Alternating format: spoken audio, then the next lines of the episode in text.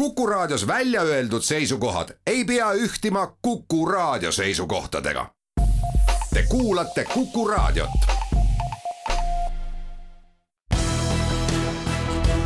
olukorrast ajakirjanduses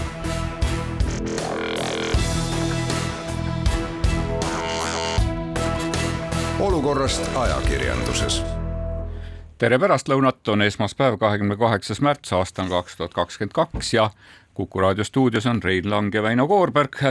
kaks inimest, kes ei ole viitsinud asjadesse süveneda, kes tavaliselt jauravad jauramise pärast, täpselt nii nagu meid on tituleeritud eh, Twitteri avangardi seas, et eh, täna püüame rääkida siis eh, sellest, kuidas Minnesota loomaaias ootamatult suri tiiger nimega Putin, sest tal tekkis meditsiiniliste protseduuride ajal südamepuudulikkus. tahame täna ka kindlasti välja kuulutada ajakirjandusliku mängu, kus on Venemaa kaitseminister Sergei Šoigu ja võitjale võiksime siis välja pakkuda loodetavasti Kuku raadio poolt kaks piletit suurde teatri, Moskva suurde teatrisse. Kas siis Luikede järve vaatama või Tsaari mõrsjat? mina pakuksin Tsaari mõrsjat, ainult et tingimus on see, et ise peab kohale minema jah, aga muidu me räägime ikkagi tavaliselt sõjauudistest ja sõjauudistest, aga, aga me ei saa kuidagi mööda sellest, et Rein, et sina, sina pead tavaliselt alustama ikkagi teemat, mis on sulle nagu DNA lähedane, et, et siis alustame ERR-i sõimamise minutitest, et siis saab selle raske asja kaelast ära. Ja mul on see kromosoom, eks ole, mis on sündimisest saadik eriline, eriline kromosoom. Ei, väga lõbus oli minu meelest see ERR-i reaktsioon meie eelmisele saatele, et meenutuseks ja selgituseks nendele, kes ei kuulanud meie eelmist saadet, oli see, et me olime üsna kriitilised ETV Plussi suhtes, väitsime seda. mina rääkisin, mina rääkisin ETV Plussi Facebooki feed'ist, eks ju, kust mulle vaatas vastu äh, kommunaalsõda võib-olla mitte, võib-olla mitte säärastes, säärastes värvides, säärastes toonides, nagu ma oleksin tahtnud näha seda. mina rääkisin semiootikast, et see, et teleekraanilt ETV Plussi saates vaatasid meile vastu Vene lipu värvid, nii seda siis nii kampsunitelt kui ka kõrvarõngastelt. sellele järgnes muide kohe ETV ERR-i ajakirjanduseetika nõuniku Tarmu Tammerki äh, juhtlaused selle kohta, selle kohta, kuidas tegelikult sõjateemat tuleks kajastada ja noh, muidugi ma saan aru, et selle, selle kuu aja jooksul, mis lahingud on Ukraina pinnal käinud jõuame me kõik äratundmisele, et sõjakaras kajastamine on ära alati keeruline, et infole on raske juurde pääseda ja, ja aga, aga noh Äh,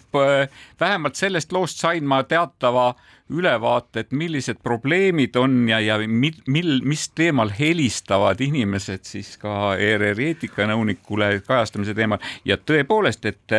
et on kritiseeritud võib-olla ka siis eh, seda, et kas, kas me oleme liiga tasakaalustatud või me oleme tasakaalustunud, kas me näitame liiga palju Putini pilte või me näitame liiga vähe Putini pilte, selles mõttes on, on arusaadav, loomulikult ei tule vist kellelegi seletada seda, et on arusaadav, et Venemaa äh, tungis Ukrainale kallale, et eks ju, et siis me ei pea tasakaalustamaks ütelnud, aga võib-olla olid asjad hoopis teisiti ja ja muidugi näidatakse ka seda, et või räägitakse ka seda, et piduliku fotogalerii avaldamine Putinist vee all ja vee peal, maa alt ja maa peal on kohatu. Aga, aga tegelikult tuli ka juttu sellest, et inimesed, et inimesed äh, võib-olla on kuidas ma, ma tsiteeriksin, et väike, aga järjekindel osa kriitikutest tegeleb värvide ja sümbolite maailmaga. miks on telestuudio laud ühelt poolt profiilis vaadates Z-kujuline? millist signaali te sellega välja saadate, miks võib saatejuhi kampsunil leida Venemaa lipuvärvid, mis sümboli tekitab joogiklaaside vari stuudios ja kas stuudio kujunduses on teadlikult valitud agressori lipuvärvid? No äh, selle koha peal soovitatakse hinge tõmmata, et Rein hinga sügavalt sisse, et eks ju, et, et, et siin et on, mitte naerma hakata, ma tahtsin öelda. seletus kõlab, sinine on klassikaline telestuudio värv, mida tihti kombineeritakse punase ja valgega, hoolimata riikide sümboolikast ja kirjul kampsunil oli vist ka vähemalt seitse värvi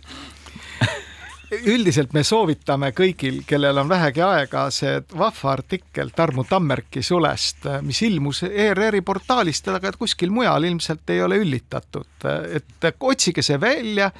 lugege, saate väga hea ülevaate, millega tegeleb meil eetikanõunik ERR-is no. jah, Rein, mina ei ole nii irooniline, et, et mina oleksin pigem nagu minu, minu sõnum on see, et, et tegelikult juhtnöörid sõja kajastamiseks tegelikult ajakirjanikele on vajalikud ja tegelikult see, sest sõda on tavaliselt niisugune ebaordinaarne olukord ja, ja, ja väga paljud meist ei ole võib-olla selle teemaga kokku puutunud ja need probleemid, mis tekivad, on, on tõepoolest nagu sellised veidrad, et me ei oleks võib-olla ka arvanud seda, et me näeme, et kuidas see eh, osad perekonnad eh, Lasnamäes võivad lõhki minna sellel teemal, et kes keda ründas, et kas tiibrakett ründas sünnitushaiglat või sünnitushaigla ründas tiibraketti. et tavaliselt selles osas võib tekkida, et, et ajakirjanikel on see ka uus kogemus, aga no minu soovitus ongi see, et, et ühtepidi, et ajakirjanikele võib-olla tuleks teha selgem, selgem sõja kajastamise koolitus et tegelikult ja laiemalt ka kriiside kajastamise koolitus. see ei hõlma mitte üksnes sõjalise konflikti kajastamist ja seda, et kuidas, eks ju, mitte äh, mürsukiluga vastu pead saada või kuidas mitte, kuidas käituda pantvangi olukorras. aga see hõlmab tõepoolest ka seda, et kuidas leida õigeid allikaid, kuidas kinnit-, leida kinnitust, õiget kinnitust äh, informatsioonile, kuidas ära tunda propagandat, sest et paratamatult äh, lähevad need võtted üha peenemaks ja meil on nagu üha keerulisem seda ära tunda. see tegelikult äh, hõlmab ka nagu, nagu noh, sedasama, millest me oleme siin mitu korda rääkinud, meeleavalduste kajastamist, äh, ka seda, kuidas ise vaimselt keset seda jama äh, terveks jääda. Sa, sa, sa oled, sa muigad kuidagi. Sa oled ikka lõpmata viisakas inimene.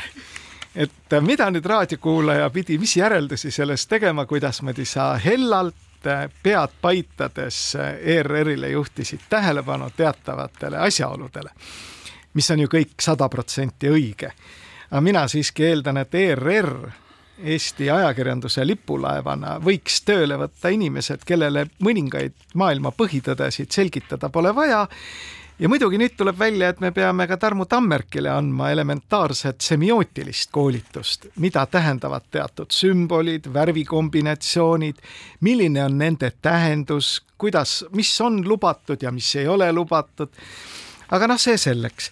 küll aga mis mind nagu tõeliselt šokeeris eelmisel nädalal, nüüd hakkab tööle see minu kromosoom, eks ole, millele ERR-i töötajad vihjasid meil on ka kaks asja, mis tõesti šokeerisid. üks oli see, et loen mina ERR-i portaalist, mille pidev jälgija ma olen, et äh,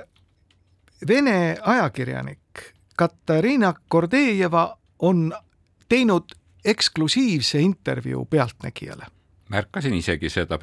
nägid ka seda? ajakirjaniku ja sõjakorrespondendi Olga Allenovaga. just see oli ka eetris, see oli väga jõuline materjal muuseas, tuleb tunnustada, väga hästi tehtud asi. ainult üks pisike aga on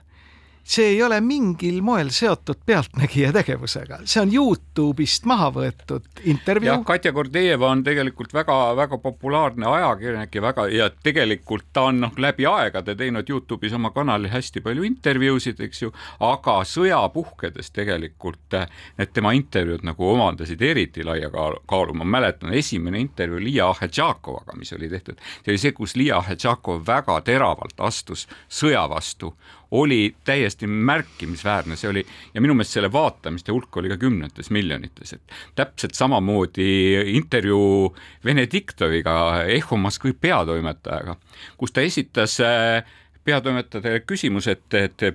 loete ennast olevat küll, eks ju, niimoodi opositsioonilise või, või no ütleme, liberaalse eh, raadiojaama peatoimetaja, kuidas ikkagi võimalik on, et te siin nagu räägite, et sõda on halb ja Putin on halb ja, ja pärast seda te lähete õhtul ja, ja äh, tinutate koos ühtepidi kas nendesamade kindralitega, kes praegu Ukrainat ründavad, või teisipidi, et siis selle Putini pressiesindajaga, Russia, Russia Today, eks ju, juhi Margareeta Simonjaniga, kõikide nende, kõikide nende propagandistidega et, et kuidas see võimalik, et kas teil ei teki kognitiivset dissonantsi, minu meelest see oli ka hästi võimas nagu koht selles, et aga jah, tõepoolest, et ma ei teadnud, et see, et tegu mina, oli mina vaatasin, mina vaatasin seda Youtube'ist ega leidnud sealt ainsatki viidet, et see on pealtnägija tellimusel tehtud või pealtnägija poolt tehtud, mitte kuskil polnud seda öeldud no,. võib-olla võib siis Youtube on virutanud pealtnägija materjali kuskil. no ma ja ma ei tea, võib-olla sa paned jälle mina, mina, kes ma olen oma loomult, ma olen viisakas, viisakas ja heasüdamlik ja võib-olla nagu DNA poolest, eks ju, pisut erinen sinust, eks ju, mingite kromosoomide pealt. hea politseinik ja halb politseinik. et ma saan aru, et ühtepidi, et võib-olla seda, et me anname hoogu eks ju, me, me võimaldame levida eh, sisul, eks ju, millel on võib-olla oht eh, piiratud levikuks Venemaal et ma saan sellest aru, et täpselt samamoodi, eks ju, Meduusa teatas ühel hetkel, et kogu tema sisu on vabaks levitamiseks ja kasutamiseks, eks ju. Meduusa on teatavasti siis venekeelne uudisteportaal, mis tegutseb Riiast, aga kajastab tegelikult Venemaa sündmusi, mis on samamoodi kuulutatud välisagendiks ja mille, mille portaal on suletud Venemaal. aga noh, kahjuks ütleks, ma tean, et ka ERR-i portaal, ligipääs ERR-i portaalile on paratamatult, eks ju, Venemaal äh, suletud, nii et, äh, et ka ka jah, Youtube on mujal maailmas kättesaadav ja ka Eestis. et võib-olla selgemini peaks olema nagu markeeritud asi umbes paar aastat tagasi oli analoogne olukord, kui Eesti Televisioon väitis, et nad on saanud in eksklusiivintervjuu Elton Johnilt ja pärast tuli küll välja, et noh, tegemist oli tavapärase turundusliku materjaliga. jah, kirjastus, kes oli Elton Johni elulooraamatuga välja tulemas, pakkus, pakkus, eks ju, valmis intervjuud, mida nagu lõigati sobivasse vormi, me mäletame küll seda siis. aga meie teeme vahepeal reklaamipausi, siis räägime edasi. olukorrast ajakirjanduses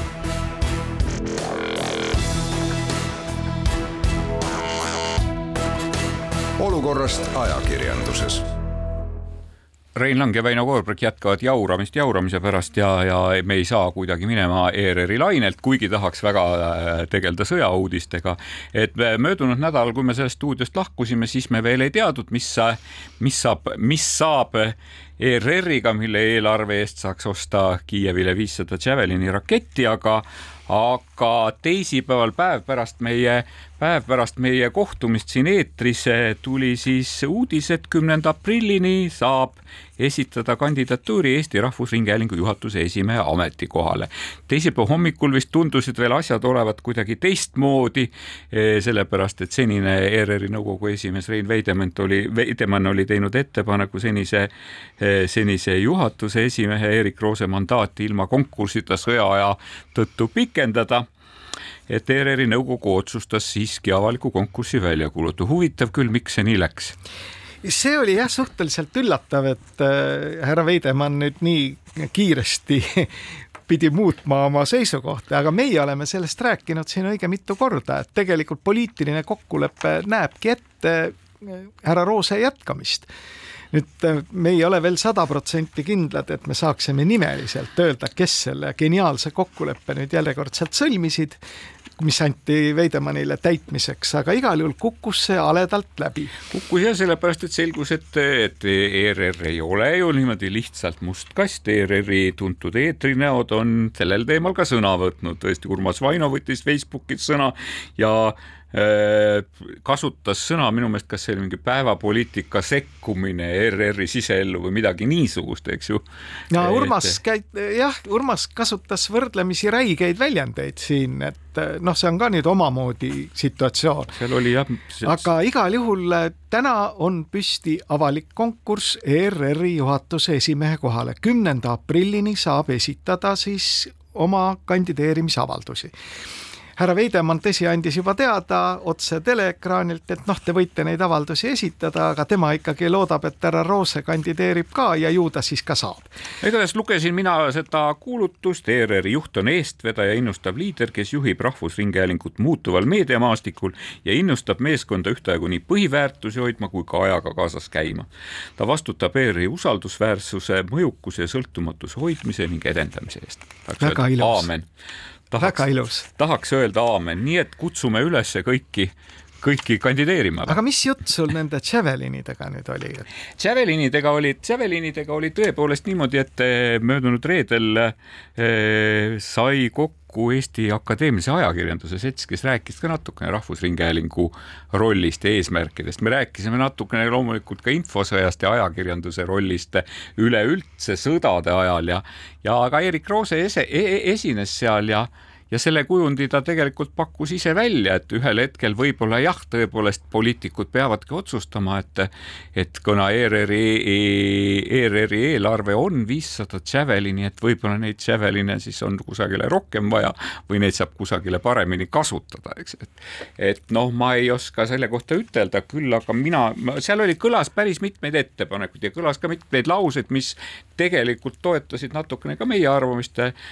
räägiti ka ETV Plussist, eks ju niimoodi, räägiti sellest äh, kajastuse temperatuurist ja kajastuse rohkusest, eks ju niimoodi, räägiti vajadusest selle kohta, et võib-olla ei peaks nagu ajakirjanikele ette kirjutama, kuidas nad asju teevad, küll aga vajavad ajakirjanikud nagu laiemat ühiskondlikku sisendit sellesse, kuidas see praegusele sõjale probleeme vaadatakse. et noh, ERR-i positsioon oli see, et, et meie ajakirjanikud, nad ise elavad Lasnamäel, nad teavad väga hästi, mida arvab siinne venelane, mida arvab siinne ukrainlane, eks ju, aga võib-olla see nagu see ka see, et mida eestlane arvab ETV Plussi kajastusest, on, on ka era, eraldi teema ja tegelikult selle koorus selle arutelu käigus ka ikkagi see probleem, et, et minu meelest Eerik ütles, ütles ka ühe olulise lause, ta ütles, et üha raskem on tegelikult leida,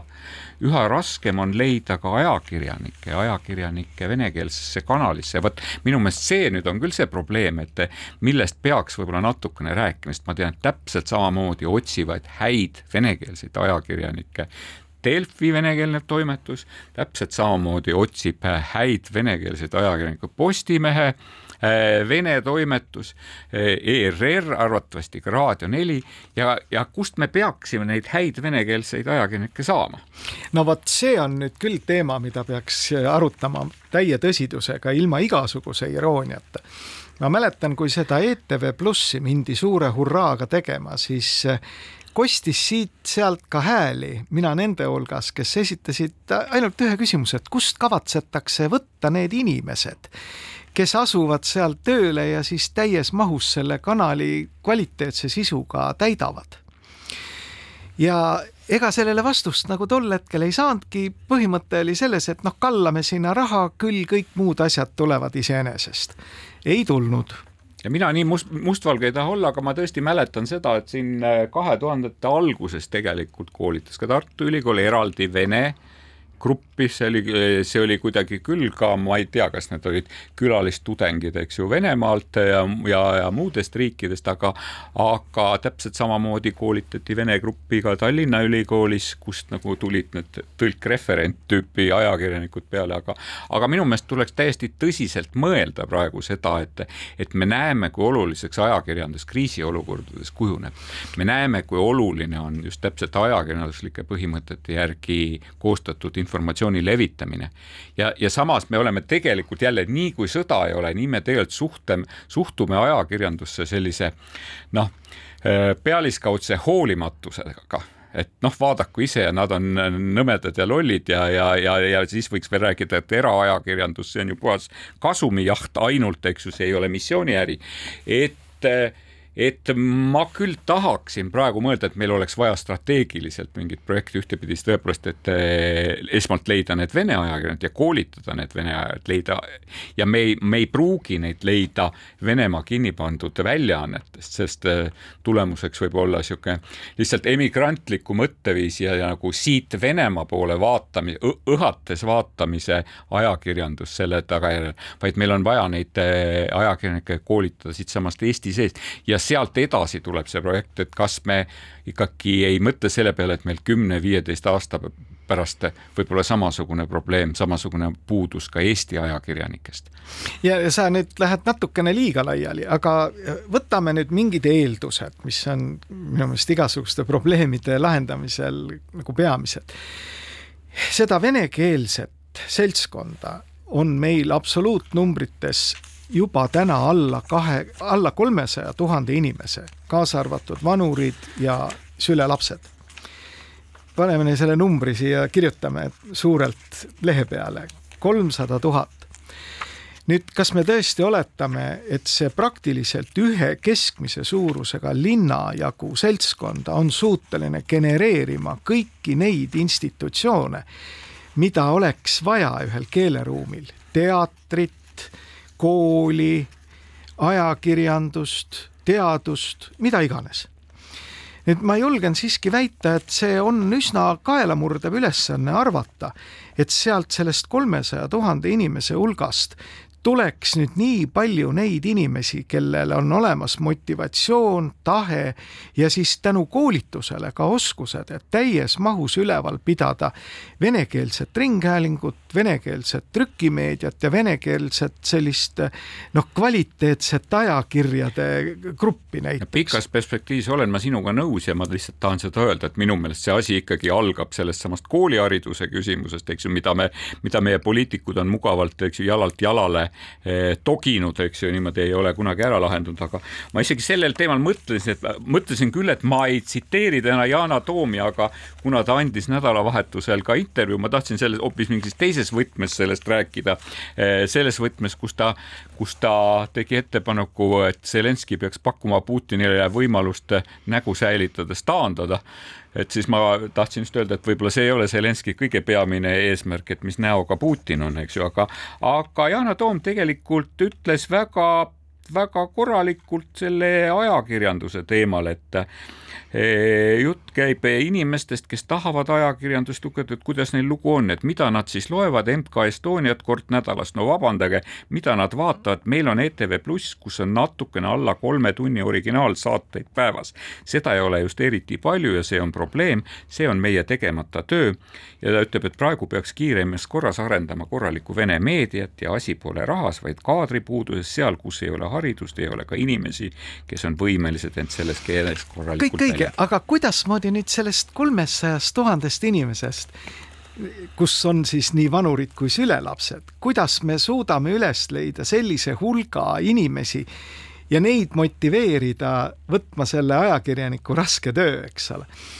ja ma siiski jään enda juurde, et see on ikka täiesti kaelamurdev ülesanne, nii et kui nüüd riik peaks midagi ette võtma selles kontekstis, jah, ma olen nõus Balti meedia- ja filmikool, seal on meedia eriala ja ma ei näe mingit takistust tegelikult, et seal ka vene keeles õpetada või anda mingisuguseid teadmisi nendele inimestele, kes siis noh, tunnevad sisemist motivatsiooni hakata venekeelseks ajakirjanikuks oleme see on ülikooli otsus. selles ei... saates me oleme natukene rääkinud ka sellest, et kui me ei kannata välja, kui me ei kannata välja nagu üksinda seda teha, et, et millised on võimalused ikkagi nagu koopereeruda Läti, Leedu, Soomega sest et kõigil neil on praegu see probleem minu meelest on teravnenud. vot nüüd sa vajutad väga õigele pedaalile et äh, lihtsalt nui neljaks arendada ühte venekeelset telekanalit siin, mis peaks äh, hõlmama endas täiemahulist uudiste pakkumist maailma tasemel no, no vabandage, eks ole, me ei saa isegi eestikeelses kultuuriruumis, mille kandjaid on ju peaaegu miljon, eks ole, ei saa sellega hakkama. nüüd veel vähem on see võimalik siis kolmesaja tuhande inimese puhul. nüüd aga koopereeruda selles asjas täna Läti, miks mitte Leedu ja soomlastega oleks absoluutselt mõistlik kindlasti mõistlik. nüüd teine jutt, mis ma, mida ma olen kuulnud ka juba kümme aastat räägitavat, on see, et, et üritame siis kiskuda sealt Venemaalt need demokraatlikult mõtlevad ja professionaalsed ajakirjanikud siia Eestisse ja paneme siis püsti mingisuguse kanali, mille kaugem põhimõtteline eesmärk on lammutada russki mirr, kogu see mõtteviis. nüüd minu küsimus on alati olnud, aga et kuidas me neid inimesi kaitseme, me teame, et Vene eriteenistus asub neid mürgitama polooniumiga ja, ja ostma neid ära ükskõik milliste meetoditega. meie püüame oma vaatajad vahepeal ära osta reklaamipausiga olukorrast ajakirjanduses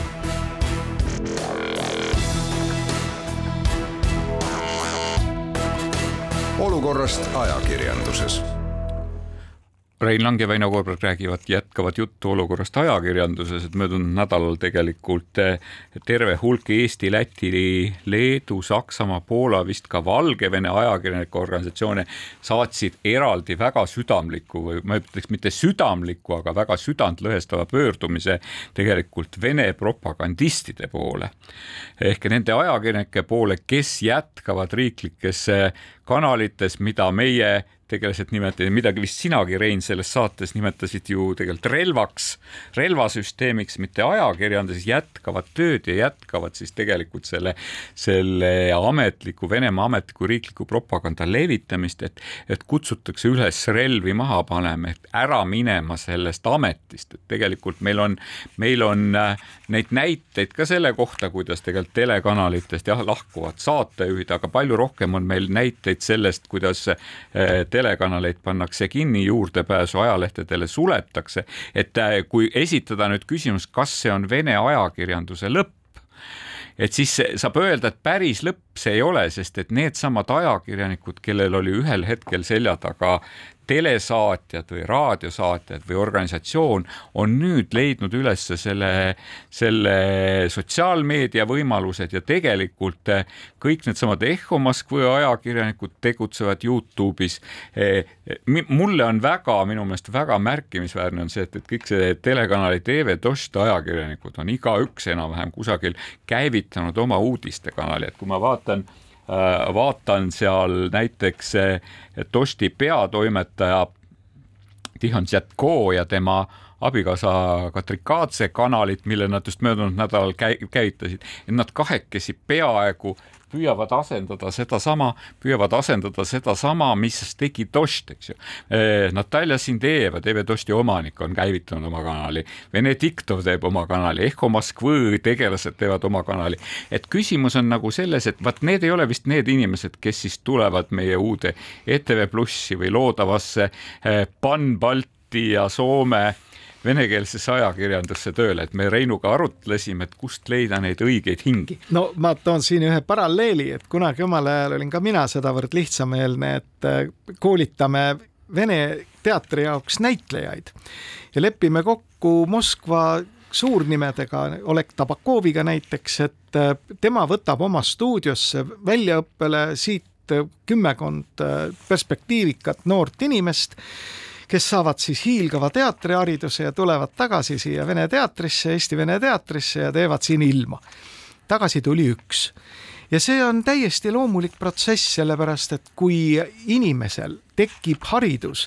millega tal on võimalik ennast avada sajamiljonilises kultuuriareaalis, siis miks tema peaks tulema ja toimetama, mis miljon, me räägime kolmesajast tuhandest, alla kolmesaja tuhande inimese, eks ole, ehk kolkasse. ehk et samamoodi tegelikult ma vaatan, et ka, et needsamad Vene ajakirjanikud oma kõikvõimalikes Youtube'i kanalitest, nad ka arutlevad selle, selle üle, et miks ei tule ära need propagandistid nendest kanalitest ja kas nad on seal kinni üksnes selle kõrge honorari ja nende Como järve ääres asuvate suvilatega, eks ju, või on seal põhjus ka natukene see juurdepääs auditooriumile, see mõju, see võim, mis, millel võib olla teatav narkootiline iseloom. no kui ajakirjanik ei ole edev, siis ta ei saa ka olla väga hea ajakirjanik. teleajakirjanik eriti teleajakirjanik, me räägimegi praegu rohkem nagu ringhäälingust, aga hüva. Et kui me tunnistame endale seda, et see on kaelamurdev ülesanne siit koha pealt leida nüüd ütleme maailma tippe ja kes siis paneksid püsti mingisuguse sellise uudistestuudio, no mida me näeme Ameerika filmidest siis mida me saaksime jah teha, me siin juba eelmises saate plokis rääkisime, et koostöö lätlastega, koostöö soomlastega et seda inforuumi siin et, elavatele venelastele tegelikult natuke laiendada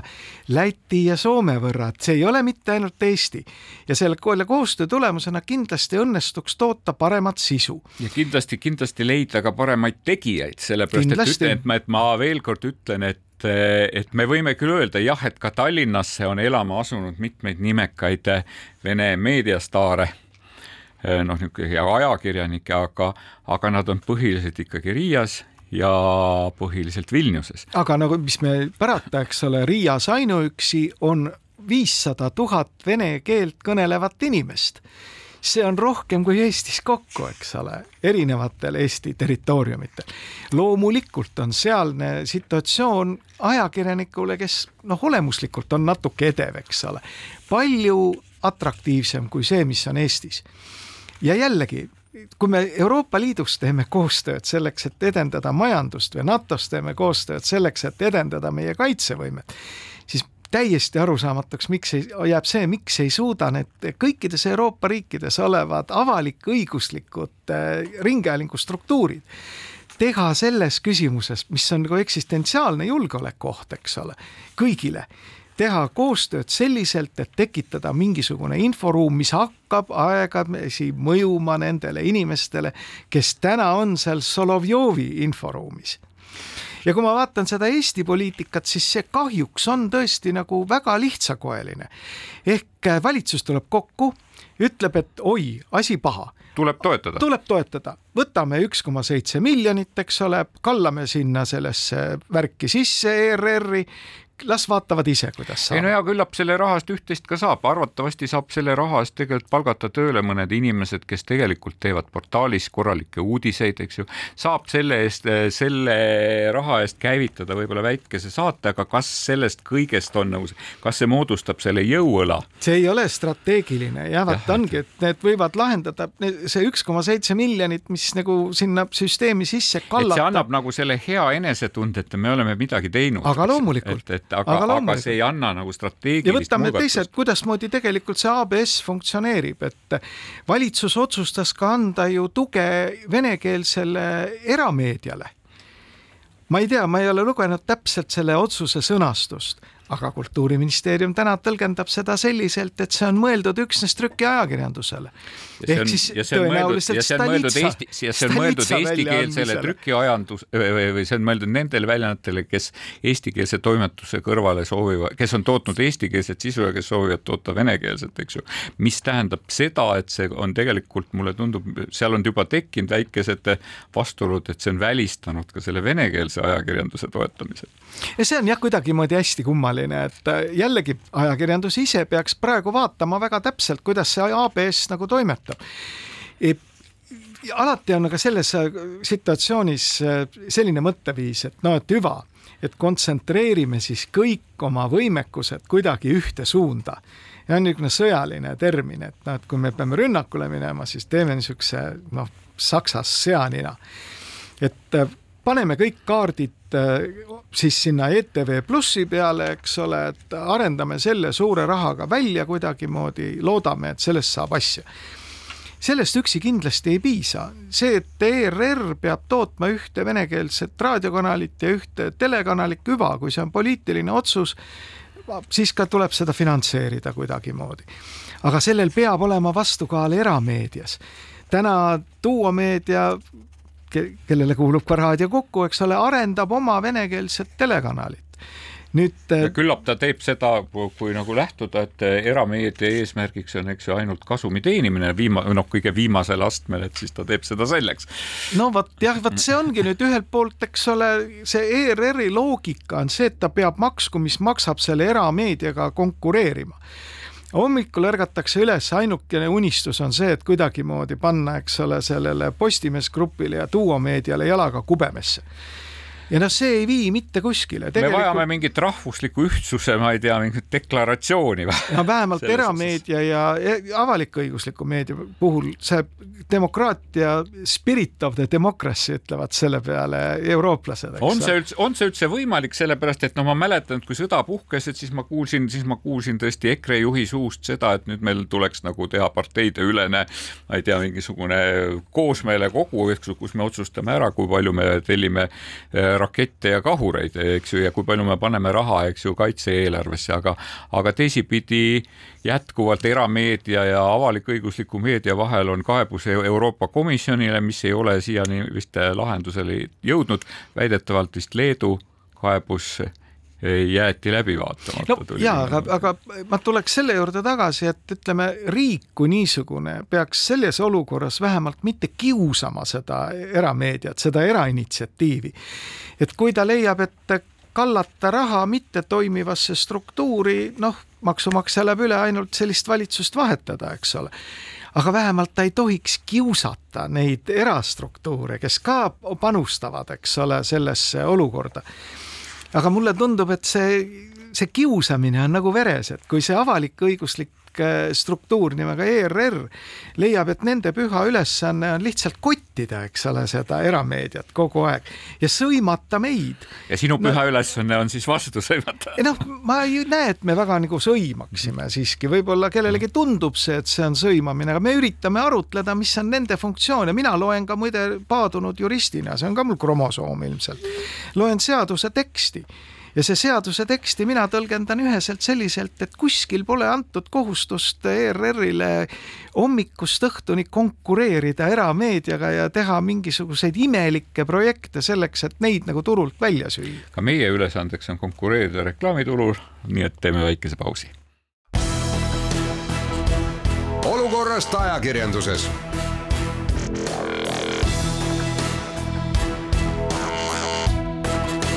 olukorrast ajakirjanduses Rein Lang ja Väino Koorberg, viimane veerand ajakirjandusest ja oleme vist kolmveerand äh, sellest saatest pühendunud sellele, et anda sobivat sisendit kõigile neile, kes kümnendaks aprilliks peaksid esitama oma tuhandesõnalise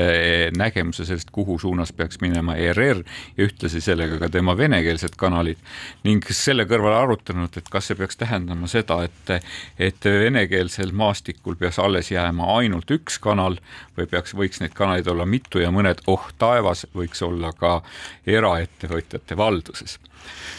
ja et äh, mina ootaks ka selle konkursil kandideerimist, äh, kandideerivatelt inimestelt hinnangut sellisele jamale, mis, millega sai hakkama see meie armastatud ERR eile õhtul kes siis, kui ühineti üle-euroopalise aktsiooniga, mida vedasid siis TVP ehk Poola televisioon ja Üks pluss üks kanal Ukrainast kus oli otselülitusi siis kõikidesse Euroopa Liidu ja pealinnadesse ja ka Washingtoni ja Londonisse see oli see kampaania, millele tegelikult väga vähe reklaami tehti. see oli väga ülejala tehtud, sellega tuleb nõustuda, aga ta oli ikkagi nagu emotsionaalne ja minu arvates vajalik aktsioon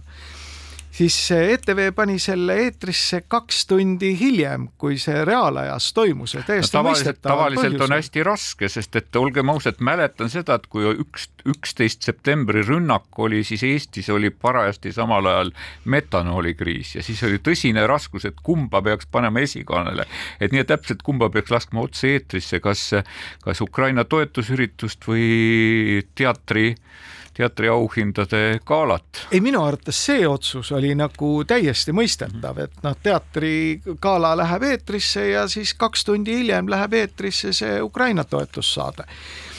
seal olid ju ka kõik riigipead, eks ole, kes esitasid oma mingisuguse sõnumi nii ukrainlastele kui ka kogu maailmale. ja mis siis juhtus? Kõigepealt seletati televaatajatele, et oi, et nii ruttu kõik värk käis, et kaks tundi ainult oli meil aega, aga me ei suutnud panna inglisekeelseid tiitreid siia alla. ja tulemuseks oli siis see, et ETV oli palganud paar tütarlast, kes siis sõna otseses mõttes lämisesid sellele saatele peale, nii et ei olnud ka võimalik nendel, kes inglise keelt valdavad, aru saada, mida inglise keeles räägiti. et ainuke osa, mis oli kõigile arusaadav, oli inglise keeles see osa, millel olid inglisekeelsed tiitrid.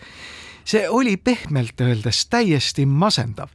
ja miks niisuguseid asju lastakse läbi, see on minu meelest see on tegemist üleüldise töökultuuri täieliku mandumisega no see on parata, see on vist natukene paratamatu ja ma tahaks nüüd natukene tõmmata tagasi, ma saan aru, et eks ju tähendab. kromosoom hakkas veri vemmeldab ja kromosoomid nõuavad oma, aga, aga noh, tegelikult on ju nagu positiivseid uudiseid meil ka olnud, meil on tegelikult on suurendatud uudiste hulka, kuigi no ma ei tea, kas see kümneminutine saade nagu märkimisväärselt, eks ju, kas see toob nagu suurt äh, murrangut. et hästi tublisti, miks ma tahaks ERR-i tõesti kiita, on see, et, et, et Jupiteri platvormi ja Ukraina kanalid said kiiresti liidetud ja et väga operatiivselt sai Jupiteri platvormile liidetud ka see kanal Nastajaši Vremja. Ehk et millega nagu seda kiiresti lahendada eh, siinsete venelaste infonälga, et kuigi, kui see ei ole nagu lõplikult lahendanud, sellepärast et nad on jätkuvalt kriitilised eh, nii selle läänemeelse kajastuse suhtes, seda näitavad ka värsked uuringud, eks ju,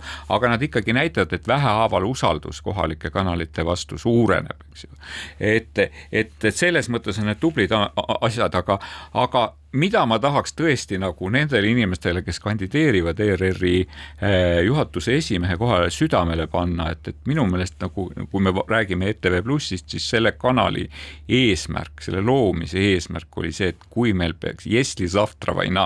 kui meil peaks olema kriis, siis ei ole see enam meelelahutuskanal, siis ei ole see enam niimoodi see kanal, kust saadakse toredat rahulolu, eks ju, ja lastele eh, õhtuks, õhtuks nagu multi multifilme, sellepärast et neid multifilme tuleb teistelt kanalitelt ka, ei ole, sellega saab hakkama väga hästi, äh, väga hästi tegelikult ka erameedia, vaid et see on see kanal, kes siis hakkab rahuldama informatsioonilisi vajadusi et, et seda tasuks meelde pidada ja selles võtmes võiks vaadata tegelikult tervet, tervet Rahvusringhäälingu ülesannet, et, et lisaks, lisaks äh, toredale muule on. jah, aga, aga see eeldabki nagu mõtteviisi muutmist, tähendab äh, kogu selle värgi tegevuse nurgakiviks oleva mõtteviisi muutmist. et sa ei pea võitlema oma selle nii-öelda turuosa eest vaadatavuse kohale jõudmise eest ja, ja nui neljaks konkureerima erameediaga, vaid sul on nagu mingid muud ülesanded, mida teha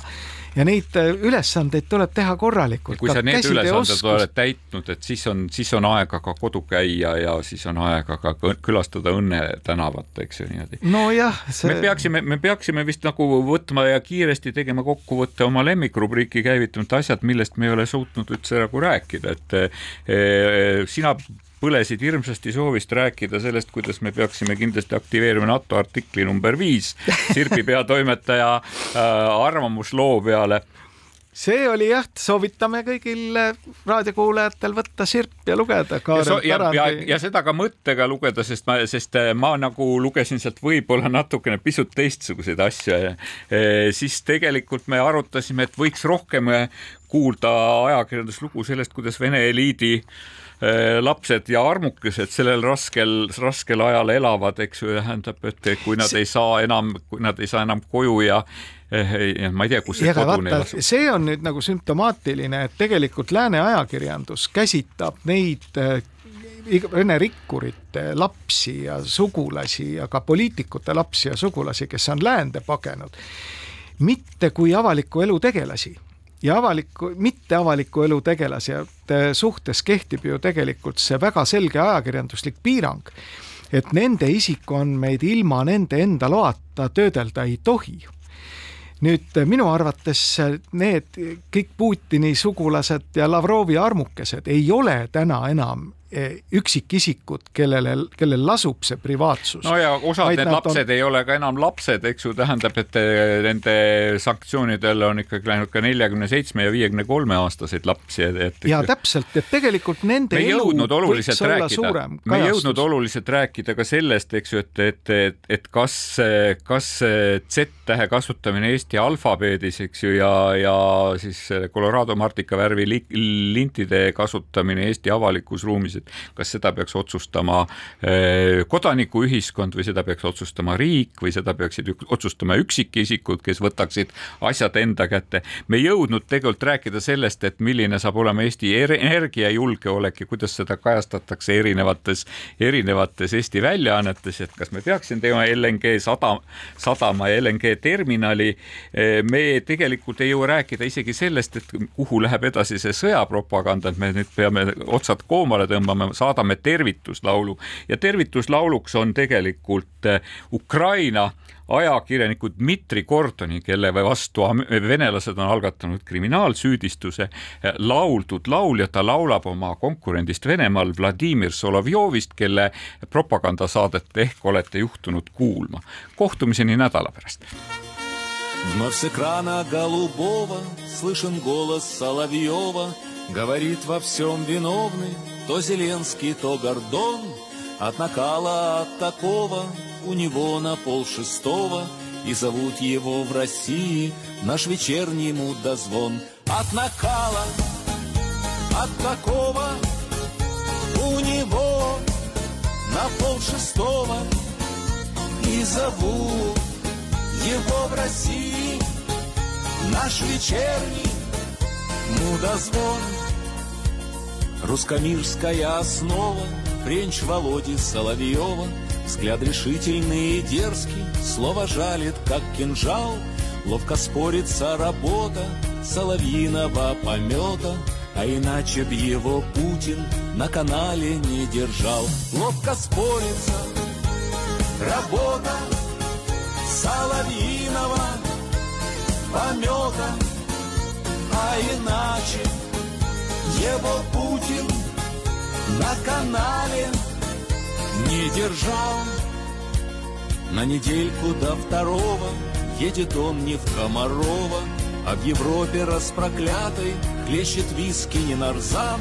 Русью пахнут воды кома Только там Володя дома Потому что этот Вова Итальянский партизан. На недельку до второго Едет он не в Комарова Потому что русский Вова Итальянский партизан. Хоть в России все хуево Украину мочит Вова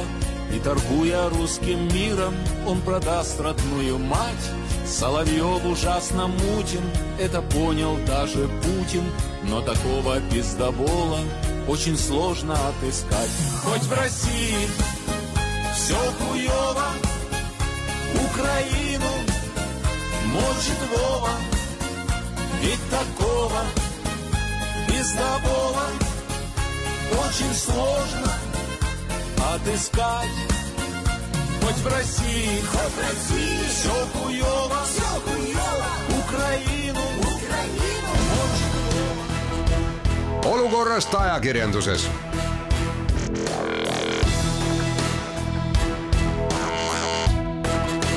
olukorrast ajakirjanduses